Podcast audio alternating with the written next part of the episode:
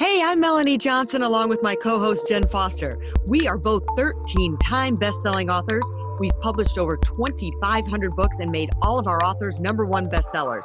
We own Elite Online Publishing. If you want to become a best selling author, look us up at eliteonlinepublishing.com. Now, welcome to the podcast that shares secrets from top industry experts that show you how to get lasting success and results. This is the Elite Expert Insider Podcast. Hi, everyone. It's Melanie Johnson with my business partner, Jen Foster. Hey, Jen. Hey, guys. How's everyone doing today?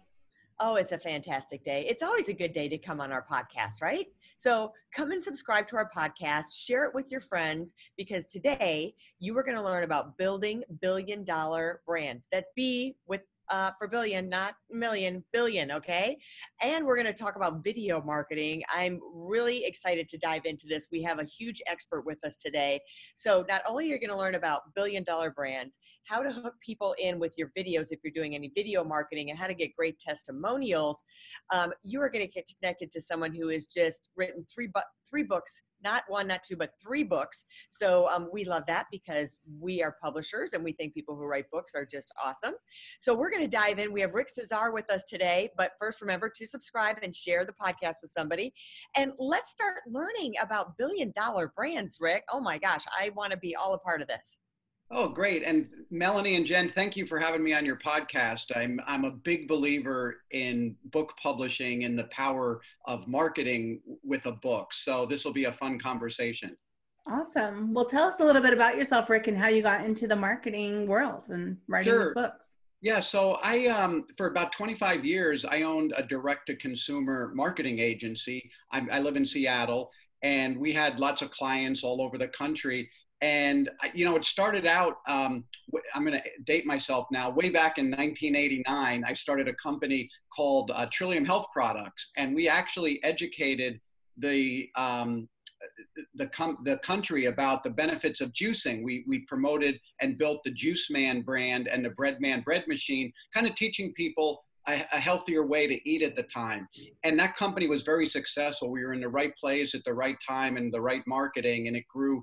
We did 75 million in sales in about four years, and then we're able to sell the company. Uh, I thought I was going to retire and took some time off, and then another Seattle company called me called Optiva Corporation, and they were marketing this new toothbrush that was a $150 product and we were having trouble gaining traction in the marketplace. It turned out that toothbrush was the Sonicare toothbrush, and I helped them do their marketing initially to to uh, build that business. And then from there, um, I didn't like plan to be in the agency business, but people started calling me and asking me, "Hey, can you help me with marketing?" And the company that bought our juicer business was called Salton Housewares, based in Chicago. And they came out with a product that was this slanted grill, and that turned out to be the George Foreman grill. And so, you know, I've been very fortunate to be able to work with good companies and good products. And, you know, after George Foreman, the OxiClean people called and I did, um, I don't know if you remember Billy Mays, the, uh, uh, oh yeah, who was on TV. I did Billy's very first infomercial and about ten others after that, and helped awesome. launch OxiClean. And then more recently, um, you might have seen some of the TV commercials for the GoPro camera, and that was a really mm-hmm. fun project to work on um, because it was one of the first that was able to combine TV with online marketing and, and YouTube videos and things like that. So a lot of really fun companies, fun products that was, you know, my background in writing these books. All right, holy cow! I mean, just those brands alone. I mean, Billy Mays, my uh, the TV stations I used to own, we ran infomercials a lot, yes. and you know, so I saw a lot of Billy Mays on our TV stations. And mm-hmm. I mean, OxiClean, hello! I mean, the GoPro camera, huge. These are just huge, huge brands. So tell us, walk, walk us through that process. How do you start with a brand? Maybe there's someone, well, even us, like we're starting out, we're a company that's been around for four years. How do you take a company and blow up their brand? What do you do? What is some of that process? Well, it's great. That's a great question, and and you know, for me, uh, there's a lot of different approaches, but one approach that I really like, and I talk about it in in my books, is I like to talk to customers or clients of your business. And so I'll schedule uh, a day or two of what I call a testimonial shoot. And I kind of go through the steps how you can find these people uh, through an email sequence. And I'll, I'll, I'll basically interview these people, and I might talk to anywhere from 10 to 20 people. And during that time, I'll find out exactly what they like about your business, what they don't like, um, you know, the things that made them purchase your services. And then the best part is I'm videotaping this. So then not only am I doing real market research, which is better than any focus group, now I have all the information about, about the hot points that I can use to market your business.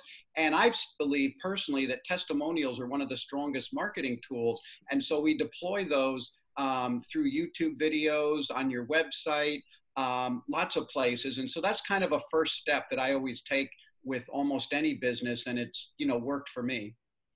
I love that. I love that. Well, let's dive into some of the the things and the tools that you give us in your in your billion dollar book. As is the very first thing you need to identify and know is your USP. So let's talk about USPs and people who don't know what that is. It's your unique selling position. So right, is that what it stands for? Exactly, unique selling proposition. Proposition. Yeah, and and you know it's funny. It's it's kind of um, marketing 101. They teach you that, but you would be shocked at how many businesses don't differentiate themselves. And really, that's what you're looking at. What is different or unique about your business? and I, you know, I can use some examples from some of the products I mentioned. Um, you know, the GoPro camera, they were going up against, here's a guy who invented a camera in his garage. They were going up against Sony and Panasonic and Kodak, which is bankrupt. But what he did was he basically carved out a niche that the camera was used for extreme athletes, that you know, uh, snowboarders, um, people jumping off of cliffs, parachuting, that type of thing. And basically was able to identify a niche that the other camera companies weren't in, and that's what differentiated themselves. And if you think about it, it's the same with the Sonicare toothbrush. It was the first sonic toothbrush to come out, but um, just being sonic, uh, and again, I go into um, a great detail about the difference between features and benefits. So sonic technology is a feature, but the benefit to that and the reason the Sonicare toothbrush took off is because it was able to clean beyond the bristles. And if we educated people, I'm a big believer in selling through education. Ah. We educated people about gum disease, and you know then that the sonic technology would enable you to clean beyond the bristles and reach the nooks and crannies where bacteria hide. So every, I believe every single business has not only has a unique selling proposition, but um, needs to basically identify that and then use that in their marketing and their website and that's what will differentiate your company from other people that are in your same category. Yeah and some companies struggle with um, you know finding that and going through the process of that like if they don't have the resources to do it um, it can be kind of a challenge. Yes i i agree. Um, so you talk about um, something that i think that you say is great for small businesses. Um, it's direct brand selling what is i've not heard that term before direct brand selling. What does that mean and how does it help small businesses? Because a lot of our audience i think have more small businesses and getting started. Right. So that's really kind of an offshoot of my background. You mentioned infomercials and i just want to mention um, i had used television marketing infomercials but really the underlying concept um, is direct marketing direct response marketing.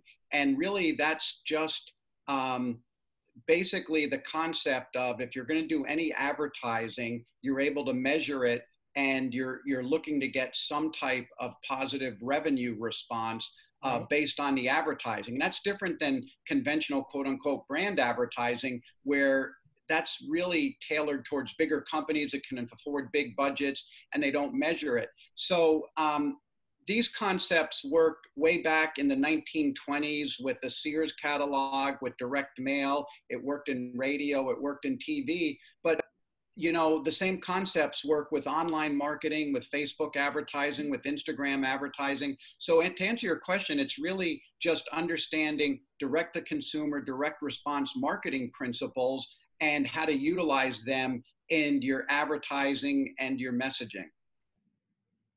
So, what are those principles? Break some of those principles down for us, because not all of us are as savvy as you, Rick. Good. You guys might be a because we might become a client because I'm you. I, am writing a new book. You can help me, and I might be able to help you with with what right. you're looking to do.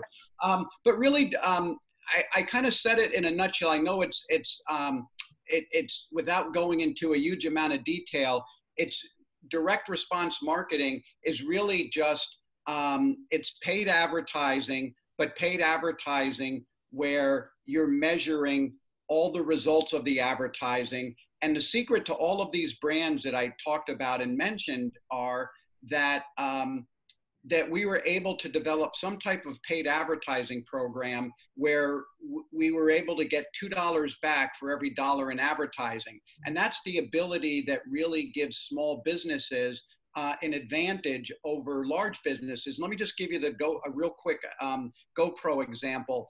Um, GoPro uh, basically um, became well known through their 30 second spots, and they basically used um, user generated footage. So we started every 30 second spot out with a, a, GoPro logo so people knew exactly what the commercial was about. Then some user generated footage. But then here's where the direct branding or direct response came in. We had an offer at the end of every spot that said, go to our website, someone will win one of everything we make every single day. So three great things happened. People would go to the website to register for the contest and we would develop a mailing list where we could remarket to. The second great thing is they would go to the GoPro website, they would see other great videos, and they would share them with their friends, and that created the viral effect. And then the third part was people would get to the website, they'd like the product, they'd purchase it, generating revenue, which we would put back into the advertising. So we could have made those commercials without an offer at the end.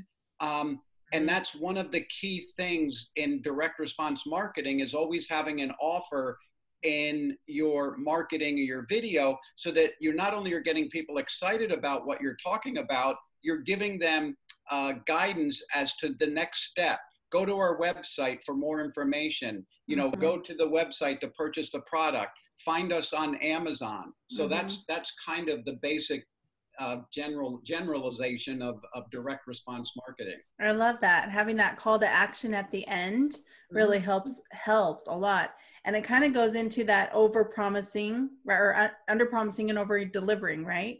Absolutely. Where, where with GoPro, you were saying, you know, visit the website. We we have a winner every day.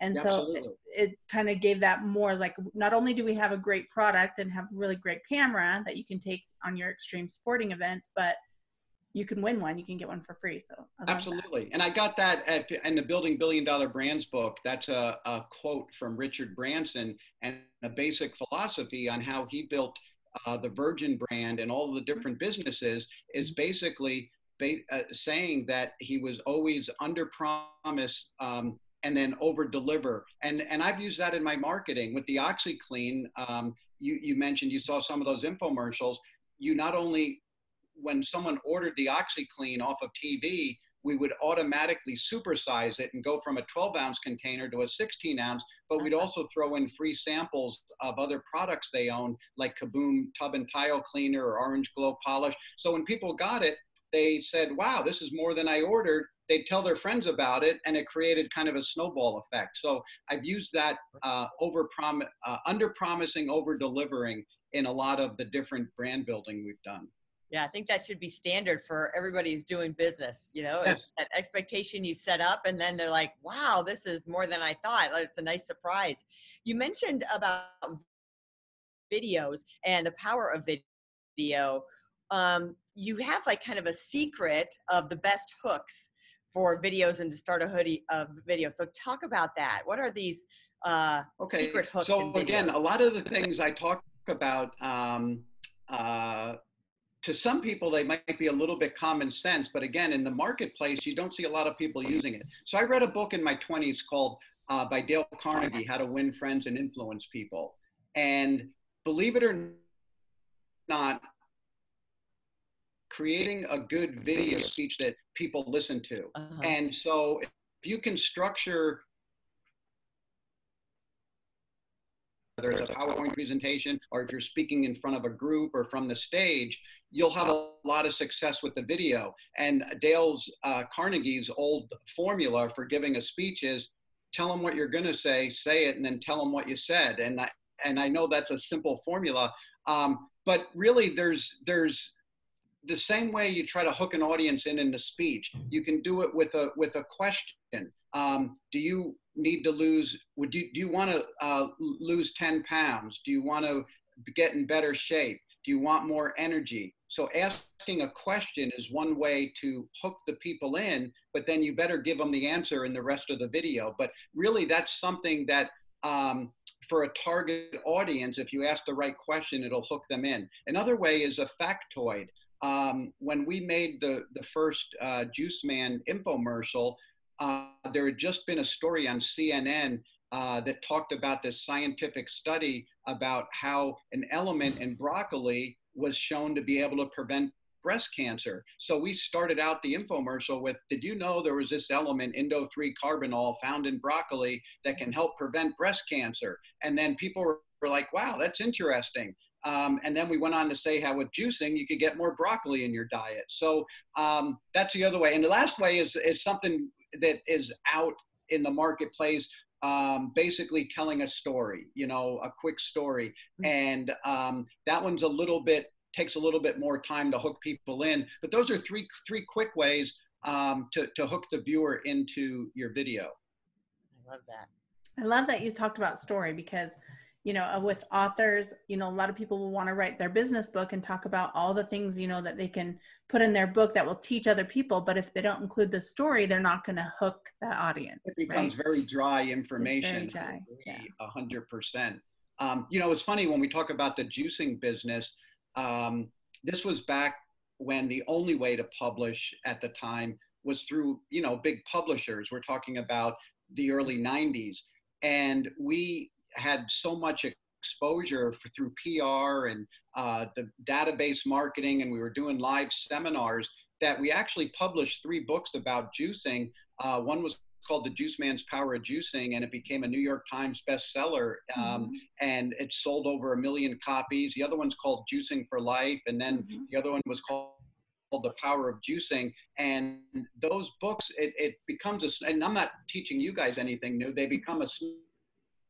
snowball where you put the book out, it gets some awareness, then you get more um, exposure because um, the press or PR is interested in it and it things snowball. And I believe it a book's one of the best marketing tools that any business or person. All right, I want that. Have. That's just a quote right there. Rick said a book but it's true. I, tool you can have. Yeah. We're going to take that and post it on Facebook. I'm just telling you right now. okay, that's fine with me because I, I, I believe in I believe in it because of having lived through it myself. And it's funny that you you know you deal in this uh, day in day out and maybe have to convince some people, but I've seen it firsthand the power of a good book and what it can do. Yeah you know, we were talking about a call to action earlier, and we um, remind our authors so many times they don't have that in their book. So we're having them, okay, your manuscript's done, but we didn't see that you put a call to action, and we always like to put a call to action in the beginning of the book.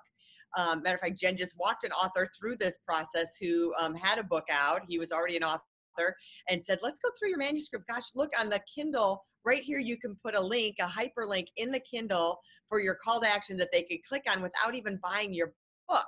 So a lot of people don't even realize that. You know, if they do the preview of the book, someone could click on your call to action and take them right to the call to action even without buying the book. Yeah, that's so, awesome. And I congratulate both you guys for realizing the potential of that because again, many people again, these are simple basic things, but many authors, marketers, yeah. um, you know, e-commerce people, they forget to do it. And and it's it's amazing. And you know, being in the direct response marketing industry for so long, I've seen the difference between including a call to action and not including a call to action. And you know, you get two, three, four, five times the response if you have a good call to action. Yeah. We're learning that. And we're learning um, on our social media. I think that's one of the things that we don't do well is put calls to action in our social media. So we're missing, we're spending the time to post. So a lot of businesses out there, you're spending the time, spending the money on social media, but you have zero calls to action and you're wondering why you're not getting engagement or growing. Um, so take Rick's advice, put a call to action everywhere, everywhere that you can. I think that's one of the big takeaways here.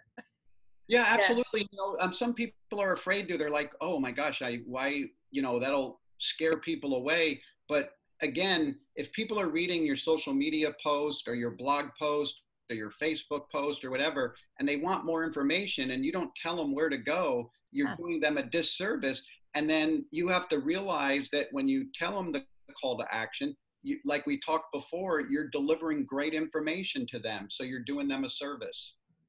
I love that. Well, tell people where they can go to find you so they can get more information about you. I will. And first of all, I just want to say I wish we could talk for an hour because there's so much great, great uh, stuff, and you guys are both so easy to talk to. But anyway, if you want more information about me or my books or my blogs, uh, go to my personal website, which is rickcesari.com, R I C K C E S A R I, rickcesari.com. And I have a CTA, a call to action. You can download um, a free um, ebook about the three most powerful types of online video content uh, to engage the viewer. And uh, that's free if you go to my website. Terrific. Great. I'll go get it right now. that sounds perfect. So buy the books, become a billion dollar brand. That's what we're going to be working for. Um, and make sure you do a call to action. That's the biggest message today, I think. And do that hook in your video. Um, I love all the, I was taking notes. So if you saw me looking away, it's because I was writing in my notepad. So also remember to subscribe to our podcast. That's one of our calls to action. And of course, our call to action is if you'd like to write a book, please contact us. Um, we are known for making our authors number one bestsellers and teaching them how to leverage their book, just like Rick said, one of the best things you can do. So we will see you next time. Um, and, and we're looking forward to hearing your success stories on becoming a billion dollar brand. Bye. Are you looking to increase your revenue, build credibility, and elevate your brand? This podcast is brought to you by Elite Online Publishing, an innovative publishing and full spectrum marketing company. They will publish and market your book to make it a number one bestseller. Becoming an author is the best way to market your business. So contact them at eliteonlinepublishing.com today. All of their authors become number one bestsellers.